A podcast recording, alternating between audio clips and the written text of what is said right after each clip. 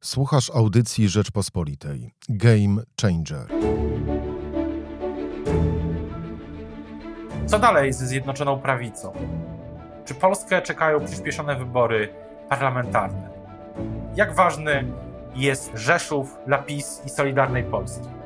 O tym wszystkim rozmowa z Krzysztofem Łapińskim. Na program zaprasza Michał Kolanko. Dzień dobry, Michał Kolanko, podcast Game Changer. Pytanie, które zadają sobie politycy, dziennikarze, analitycy, ludzie w Warszawie i nie tylko, na początek tego nowego politycznego tygodnia jest e, chyba takie, czy w tym roku będą e, wybory. Nie tylko wybory w Rzeszowie, ale też wybory e, do Sejmu.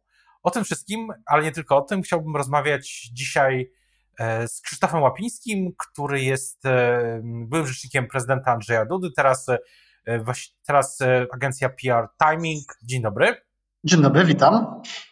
Chciałbym zapytać właśnie o te wybory. Czy pan spodziewa się, albo czy słyszy pan właśnie taką rozmowę, o której ja mówiłem wcześniej? Czy, czy ludzie się nad tym zastanawiają rzeczywiście w Warszawie i nie tylko, czy, czy będą wybory w tym roku? Znaczy ja myślę, że to jest temat, który funkcjonuje e, zazwyczaj e, wśród dziennikarzy, publicystów, no, troszeczkę też polityków. To jest temat taki e, chwytny, nośny medialnie, emocjonujący, natomiast ludzie, z którymi ja się stykam na co dzień, czy partnerzy biznesowi, czy klienci, czy, czy inni, z rzadka czasami coś zapytają w tej sprawie, jak, jak ja to widzę. To nie jest tak, że, że, że Warszawa czy Polska żyje tym, czy będą w tym roku przedterminowe wybory, bo jeśli miały być wybory do Sejmu Senatu, to musiały być przedterminowe. I myślę, że to jest tak naprawdę bardziej taka trochę e, takie hasło, które, tak jak mówię, jest nośne medialnie, wzbudza emocje, natomiast żeby, do, e, żeby się to ziściło, żeby doszło do tych przedterminowych wyborów, to musimy pamiętać, że to nie jest takie hop e, czy to nie jest taka łatwa rzecz. Żeby takie wybory się odbyły, to albo by musiało dojść do skrócenia kadencji Sejmu, a to nie jest takie łatwe, bo potrzeba do tego 307 głosów e, poselskich, posłów, no albo musiałby upaść rząd i w tak zwanych trzech, trzech krokach nie, e, parlament nie, nie, nie byłby w stanie wyłonić nowego. Także to nie jest taka rzecz, która, którą możemy powiedzieć, że, że e, jest łatwa do przeprowadzenia. Ale, ale to wyjdę panu słowo, jest... ale na przykład z tych nieoficjalnych informacji wynika, że na przykład na, na spotkaniach, e, ważnych spotkaniach e, na szczycie e, władzy, na przykład padło kiedyś, padło całkiem niedawno, z tego co ja słyszałem, takie stwierdzenie od jednego z najważniejszych polityków PiS, że ten nowy ład, o którym też się chyba trochę mówi, albo będzie programem realizowanym, albo będzie programem PiS na wybory. Więc to hasło wybory pojawia się tylko na szczytach władzy jako straszak. No, pełna zgoda. On się może pojawiać jako straszak, szczególnie z ust polityków Prawa i Sprawiedliwości wobec, wobec liderów mniejszych partii koalicyjnych, czyli wobec Zbigniewa Ziobro i Jarosława Gowina. No, ale dobrze, nawet jeśli założymy, że gdzieś takie, takie są, czasami padają takie słowa, tak jak mówię, przeprowadzenie tej operacji pod hasłem nowe wybory, to albo musiało oznaczać, że Prawo i Sprawiedliwość dogaduje się z Platformą Obywatelską i e, obie te partie e, zgłaszają wniosek o, czy obie te partie popierają wniosek o e, skrócenie kadencji Sejmu. Albo druga rzecz, no rząd się poddaje do dymisji i w tych, tych krokach konstytucyjnych nie jest powoływany nowy rząd, a przecież nie możemy, nie możemy od razu założyć, że w tym, w tym czasie nie, nie powstanie jakaś koalicja techniczna wszyscy przeciwko Prawie Sprawiedliwości, to jedno. To wskazuje na, na, ten, na ten element, nazwijmy to taki e, prawno-konstytucyjny, jak do takiej operacji musiałoby dojść. A druga rzecz, proszę pamiętać, e, że żyjemy w czasie e, de facto jeszcze nie, pandemii, nie skończyliśmy z pandemią. Trudno sobie wyobrazić, czy trudno przewidzieć, jakby wyglądała kampania i jaki byłby rezultat wyborów no, prowadzonych w czasie, kiedy e, ponad rok czasu e, żyjemy w pandemii. Społeczeństwo jest już generalnie zmęczone. Widać to także trochę na, e, na przykładzie sondaży, gdzie, gdzie partia rządząca e, no na pewno e, nie ma sondaży tak wysokich, jakby chciała mieć. Także to wszystko są ryzyka, które na pewno politycy Prawa i Sprawiedliwości muszą brać pod uwagę. Oczywiście łatwo jest powiedzieć, że jak nie zrobicie tego czy tamtego, to idziemy na wcześniejsze wybory. Łatwo jest czasami takie słowa wypowiedzieć, natomiast przeprowadzić tę operację po pierwsze jest trudno, po drugie e, przedterminowe wybory w czasie po pandemii, w czasie kiedy e, no na pewno gospodarka nie jest w takiej, e, w takiej w takim stanie jak to było jeszcze dwa lata temu czy półtora roku temu, w czasie kiedy emocje społeczne no, są troszkę uśpione, czy w sensie nie znamy ich dokładnie, jakie są, bo, bo myślę, że ludzie generalnie dzisiaj są zmęczeni pandemią, to wszystko naprawdę byłaby operacja bardzo ryzykowna dla samego Prawa i Sprawiedliwości, dla e, obecnie rządzących. Ale też z drugiej strony jest pytanie, czy, które też chyba się gdzieś pojawia czasami w tych analizach publicystycznych i nie tylko, no jest pytanie, czy Jarosław Kaczyński chce i Mateusz Morawiecki, znaczy chcą rządzić dalej w ten sposób. To znaczy, e, w sposób, w którym każda decyzja, każda ustawa, każde głosowanie, wszystko jest e, w zasadzie kontestowane przez partie, które de facto mają, no, mają dużo mniejszą mm, siłę polityczną niż, e, niż PiS. Mhm. No, ale to, to troszeczkę wynika z, z matematyki. Proszę zauważyć, że oczywiście e, największa partia e, rządząca i jej posłowie mogą czasami się e, denerwować, irytować, wkurzać, widząc, że mniejsi koalicjanci czegoś żądają, więcej żądają. Mogą sobie mówić, no jak to, my mamy 200 posłów, a wy macie po kilkunastu, za dużo chcecie. A z drugiej strony ci mniejsi partnerzy, mniejsi koalicjanci wiedzą, że choć mają mniej posłów proporcjonalnie oczywiście do tego, co, co mają na przykład w resortach, no to są tak zwane międzyczkiem uwagi. Zawsze tak jest, to już w politologii jest od dawna opisane, że jak jest koalicja złożona z dwóch, trzech podmiotów, to ten mniejszy podmiot no, zazwyczaj y, żąda i uzyskuje proporcjonalnie więcej y, y, niż, niż ma siłę w parlamencie, czy niż ma liczbę posłów, no, dlatego, że jest tym języczkiem uwagi. Bez tych kilkunastu posłów Jarosława Gowina i kilkunastu posłów Zbigniewa Ziobro nie byłoby większości. E, I tu, tu jest oczywiście to napięcie jest i ono będzie. E, bo, bo, bo jedni e, mówią właśnie, tak jak mówię, Prawo i Sprawiedliwość mówi pewnie, wy macie za dużo, nie, za dużo dostaliście wiem, stanowisk, funkcji i tak dalej, a mniejsi partnerzy mówią, no tak, tak, ale dzięki nam w ogóle ta koalicja, czy ten rząd jest, jest możliwy, więc te napięcia były i będą po 2019 są zresztą większe, no bo po tych wyborach obie partie, partia Zbigniewa Ziobro i partia Sławego Wina uzyskały więcej mandatów niż w poprzedniej kadencji. No i na, na tę chwilę te kryzysy, które wybuchały, no udało się zażegnać. Czy teraz się, czy teraz się, e, czy to tak będzie? E, no to, to, to zobaczymy. Były w ostatnich półtora roku już po wyborach kwestie związane z piątką za zwierząt i inne rzeczy. E, one budziły emocje, budziły napięcia. Na koniec dnia zawsze e, ta koalicja wychodziła obroną ręką, w Sejmie odrzucano wnioski o wodę nieufności, gdzieś w zaciszach gabinetów jednak liderzy tych e, trzech partii się dogadywali. Ale uważa pan, że myślę, że to też jest interesująca sprawa. Czy uważa pan, że obecna sytuacja no, w, której, w której ewidentnie, no, już jawnie prezes Kaczyński, no, nie chcę użyć tego słowa, mm, ale, ale jednak go użyje, straszy po prostu e, w wywiadzie dla Polskiej Agencji Prasowej sprzed kilku dni swoich koalicjantów. E, stosuje wobec nich no, taką retorykę, której wcześniej, wcześniej słyszeliśmy, którą PiS stosował wobec opozycji, bardziej niż wobec swoich koalicjantów. Czy, czy, czy ta sytuacja, dla Pana zdaniem, w tych kontekście tych kryzysów, o których mówił Pan też wcześniej, tych e, od 2019 roku, jest jednak czymś jakościowo nowym, czy to po prostu jest kolejna odsłona tych samych napięć wynikających no, z różnicy między tym, ile, ilu posłów ma Solidarna Polska i porozumienie, a jakie ma poparcie osobno w sondażach. Mhm. Ale to że, to, że dochodzą jakieś nowe tematy, no to one będą dochodzić, bo e, pewnie rok temu czy półtora nie było kwestii, nie było kwestii dotyczącej krajowego planu odbudowy, czy tych kwestii, które dzisiaj są drażliwe. E, I zawsze się znajdzie jakiś temat, dlatego że de facto ta Zjednoczona Prawica, ten rząd jest trójczłonowy.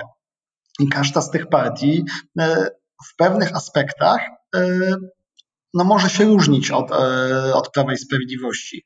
To gdyby, gdyby było tak, że we wszystkim ci posłowie, ci parlamentarzyści Zjednoczonej Prawicy się zgadzają, to pewnie by tworzyli jedną partię. A skoro tworzą trzy, no, no, no, to, no to wynika to z tego, że, że są pewne różnice programowe. Oczywiście e, gdyby pewnie szacować w wielu sprawach e, e, Zjednoczona Prawica czy partie tworzące są zgodne, to byśmy tam pewnie mogli oszacować, że nie wiem, to jest 90%, e, czy, czy, czy, czy nawet ciut więcej, ale są takie tematy, kiedy, e, kiedy e, no, są oczywiste różnice między tymi partiami one, i one się uwidaczniają. Czasami, czasami w sposób bardzo taki medialny i widoczny na zewnątrz, czasami pewnie są one gdzieś tam, te różnice ucierane w zaciszu właśnie rozmów koalicyjnych i, i nie są tak medialnie rozgrywane. E, a to, że na końcu ta największa partia e, tworząca koalicję ustami swojego lidera, czasami pod, po straszych koalicjantów mniejszych, nawet publicznie w wywiadzie, no to, to, to jest też element polityki, że proszę zauważyć, jakie też tam słowa padają. Tam jest Także tak, takie straszenie, a z drugiej strony apelowanie, że mamy dużo rzeczy do zrobienia, e, Polska potrzebuje zmian, e, ktoś, kto by dzisiaj e, rozbił tę koalicję, by źle robił dla Polski. Także też są używane takie wielkie słowa, żeby no, mniejsi koalicjanci no, trzy razy się zastanowili, zanim mieli zrobić coś, co mogłoby zagrozić stabilności tej władzy. No tak, czyli podsumowując ten wątek, obstawia pan, że te tych zaciszach gabinetów, y, mimo tych medialnych y, różnic, będzie decyzja ostatecznie, czy przy Krajowym Planie Odbudowy, czy przy Nowym Ładzie, czy przy kolejnych tematach, które się na pewno będą pojawiać, żeby jednak e, iść wspólnie. Znaczy, bo do tej pory, mimo pewnych różnic, mimo pewnych napięć, zawsze na końcu zwyciężała taka, taka argumentacja, że e, lepiej współrządzić niż ryzykować bycie w opozycji, niż ryzykować wcześniejsze wybory. Było tych e, w ostatnich tam ponad 5,5 e, ponad, ponad 5,5 roku minęło od wyborów w 2015, tych pierwszych, w których Zjednoczona Prawica wygrała, więc takich, takich e, chwil czy takich tematów, które budziły napięcia w koalicji było no pewnie nie, nie kilka, kilkanaście, E, kiedy już też niemalże wieszczono rozpad rządu, rozpad koalicji, wcześniejsze wybory, a na koniec, tak jak mówię, wygrywała ta właśnie e, ta logika, że lepiej być częścią obozu władzy, mieć wpływ na to, co się dzieje w Polsce, mieć wpływ na rządzenie, mieć także wpływ na obsadzenie różnego rodzaju stanowisk, niż być w opozycji e, lub ryzykować e, utratę władzy przez wcześniejsze wybory. Ja przewiduję, że tak będzie dalej, E, ale to też e, będzie polegał na tym, że to będą wybuchać jakieś e, wewnętrzne spory, czy można to nazwać kryzysy, jednak one będą na koniec, na koniec dnia jakoś tam łagodzone, tak żeby koalicja mogła trwać dalej.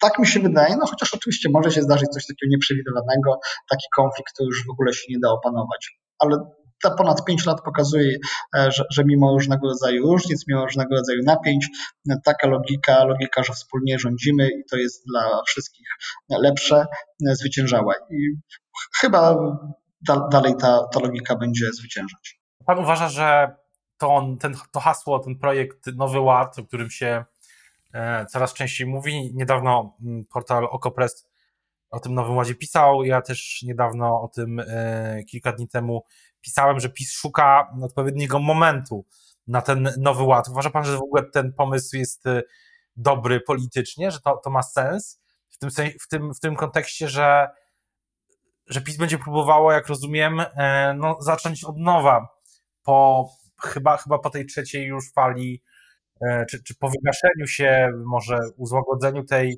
trzeciej fali pandemii. To, to ma w ogóle sens? Znaczy, po pierwsze, no, PiS musi szukać e, takich tematów, czy określić nową agendę, w której narzuci nowe tematy, w której narzuci nowe hasła, e, które pozwoli, pozwolą się odbić, czy pozwolą wrócić na tą pozycję takiego niekwestionowanego lidera, bo choć dzisiaj Prawo i Sprawiedliwość prowadzi we wszystkich sondażach, no to jednak e, jest poniżej 35%, czy, czy, czy w okolicach 35%, a pewnie liderzy Zjednoczonej Prawicy chcieliby mieć w sondażach powyżej 40% i wrzucenie nowych tematów, być może haseł, które, które będą podobne, czy tak chwytliwe jak kiedyś 500, plus, obniżenie wieku emerytalnego, 13 emerytury i tak dalej, e, no na pewno, e, na pewno Sprawiedliwości mogą pomóc. Proszę zauważyć, że też słyszymy, że to e, ten, ten program ma być zaprezentowany jeszcze w marcu, czyli przed świętami wielkanocnymi. A zazwyczaj też jest tak, pan redaktor jako e, uważny obserwator różnego rodzaju czy kampanii, czy, czy w ogóle polityki na co dzień wie, że na politycy przed takimi wydarzeniami jak na przykład święta Bożego Narodzenia czy święta wielkanocne chcą wrzucić, wrzucić jakieś własne tematy, które jak to się mówi kolokwialnie będą tematem rozmów przy stołach, przy stole świątecznym, takich rozmów rodzinnych. E, no bo wtedy e, nawet jeśli założymy, że jest pandemia, to jednak te święta choć będą pewnie trochę inne niż w poprzednich latach, ale jednak gdzieś e, rodziny będą się spotykać, e, będą się spotykać czy na śniadaniu wielkanocnym, czy, czy później na, na obiadach wielkanocnych. No i politycy zawsze zastanawiają się, co wrzucić w tych te kilka dni czy kilkanaście dni przed takimi świętami, żeby właśnie o tych tematach rozmawiali. I na pewno też Prawo i Sprawiedliwość, Zjednoczona Prawica myśli, no, że lepiej, żeby przy tych e, świątecznym stole, jeśli Polacy mają rozmawiać o polityce, a polityka często się wtedy pojawia, to żeby rozmawiali o czymś pozytywnym dla rządzących, nie? żeby nie, rozmawiano o jakichś tam wpadkach, mniejszych czy większych aferach, e, różnego rodzaju e, różnego rodzaju kłótniach, tylko żeby właśnie rozmawiali, że, prawda, że tutaj Zjednoczona Prawica, rząd przedstawia nowe, nowe hasła. Czyli ja, ja tak to widzę, że i moment nie jest przypadkowy przed świętami, no i też e, czas nie jest przypadkowy, że właśnie dzisiaj Zjednoczona Prawica widzi, że e, no, musi wrzucić e, takie tematy, czy musi właśnie pokazać Polakom, jak ma wyglądać wychodzenie z pandemii, jak ma wyglądać Polska po pandemii, jak mamy wrócić do normalności tego codziennego życia za daj Boże kilka miesięcy, jak ma wyglądać nasza gospodarka, co, co rządzący zaoferują Polakom tak to odczytuję, e, że ten czas e, nie jest przypadkowy. Jest związany właśnie zarówno z tym, że Prawo i Sprawiedliwość chce wyjść z tą ofensywą no, e, z początkiem wiosny, przed świętami, żeby narzucić znowu swoją narrację, narzucić swoje tematy, żeby to znowu opozycja się do tego odnosiła. Nawet jak opozycja będzie to krytykować, no to cały czas będzie się odnosić do tego, co mówi Prawo i Sprawiedliwość, czyli w skrócie mówiąc, będzie cały czas grać na, według reguł, które narzuca partia rządząca co do opozycji, bo pamiętam, yy, przyznam szczerze, że ostatnio, ostatnio przeglądałem yy, jeden z serwisów społecznościowych i trafiłem na pana wywiad dla jednego z portali sprzed wielu, wielu miesięcy i mówił pan wtedy, ten nagłówek był taki, to wiesz, przeprowadzony w, w, w, samochodzie, to jeszcze było dawno, dawno temu, że antypis nie wystarczy. I czy po iluś tych, po, czy teraz, gdy spogląda pan na opozycję, to widzi pan, że rzeczywiście opozycja przestała być tylko antypisem, czy, czy dalej za bardzo tkwi w tym, w tym schemacie akcja PiS, czy jakaś afera, reakcja? Na przykład dzisiaj, e, czy w poniedziałek, gdy rozmawiamy, w poniedziałek 8, 8 marca, to no, opozycja, główna partia opozycyjna organizuje serię konferencji prasowych dotyczących e, e, tematu Orlenu i, i, i wszystkich związanych z nim no to też jest reakcja, ale czy, czy, czy widzi pan ogólnie, może u Szymona Hołowni, może w PSL-u, mm, w Lewicy, wyjście do tego, o czym pan e, właśnie kiedyś mówił, że no, antypis nie wystarczy. No, to, to pokazały wszystkie ostatnie wybory, czy wybory, czy nawet prezydenckie, parlamentarne, e, czy jeszcze wcześniejsze, że samo hasło jesteśmy przeciw PiS, oczywiście ono mobilizuje pewną grupę wyborców nawet dość liczną, natomiast nie jest w stanie pozyskać tych nowych wyborców, którzy, by, e, którzy szukają jakiejś alternatywy, którzy by chcieli usłyszeć, co opozycja proponuje w zamian. Nie tylko, że, e, e, że proponujemy odsunięcie PiS od władzy, ale co zrobicie po tym, jak jak ten, tę władzę zdobędziecie. No, no i to też jest tak, że nie możemy opozycji oceniać jakby tak samo, bo to jest trzy, tak, trzy czy cztery partie parlamentarne, ruch Szymona Hołowni, także to jest kilka podmiotów, gdzie każdy też ma swoją, swoją agendę. Ja mam wrażenie, że właśnie takie takie akcje, jak, jak te, o których dzisiaj Pan mówi, opozycji, one są skierowane pewnie do, do, do własnego elektoratu, do, to, to moich przekonań, że ten PiS jest zły, bo jest jakaś kolejna afera, ma, ma tworzyć taką, ta, ta, ta, taki obraz czy taką narrację. Natomiast myślę, że wielu Polaków chciałoby usłyszeć e, konkretne propozycje, e, nie wiem, być może dotyczące nie wiem, systemu podatkowego, emerytalnego, służby zdrowia i innych rzeczy, ale jakieś konkrety. E, I dzisiaj, dzisiaj tak na, do, na dobrą sprawę raczej częściej takie postulaty można usłyszeć w tych mniejszych partiach, czy to w PSL-u, czy to w, wśród Konfederacji, czy to w ruchu Szymona Hołowni, e, a tutaj jakby no, no, Platforma cały czas jest, czyli ta największa partia opozycyjna jest cały czas jakby skupiona tylko na tym, żeby pokazywać jak, e, jak PiS jest zły. A to, a to nie wystarczy. Wejdę panu słowo, ale była niedawno ta konferencja gospodarcza Platformy i tam padło kilka takich haseł, chociaż mam wrażenie, że mm, jak rozmawiamy teraz po ponad tygodniu od tej konferencji, no to przestrzeni publicznej raczej te hasła nie funkcjonują. To, to, po pierwsze, po drugie, nawet e, jeśli się robi taką konferencję, gdzie, jest, e, gdzie, gdzie się prezentuje różne rodzaje hasła, to potem ją trzeba obudować, obudować całą kampanią.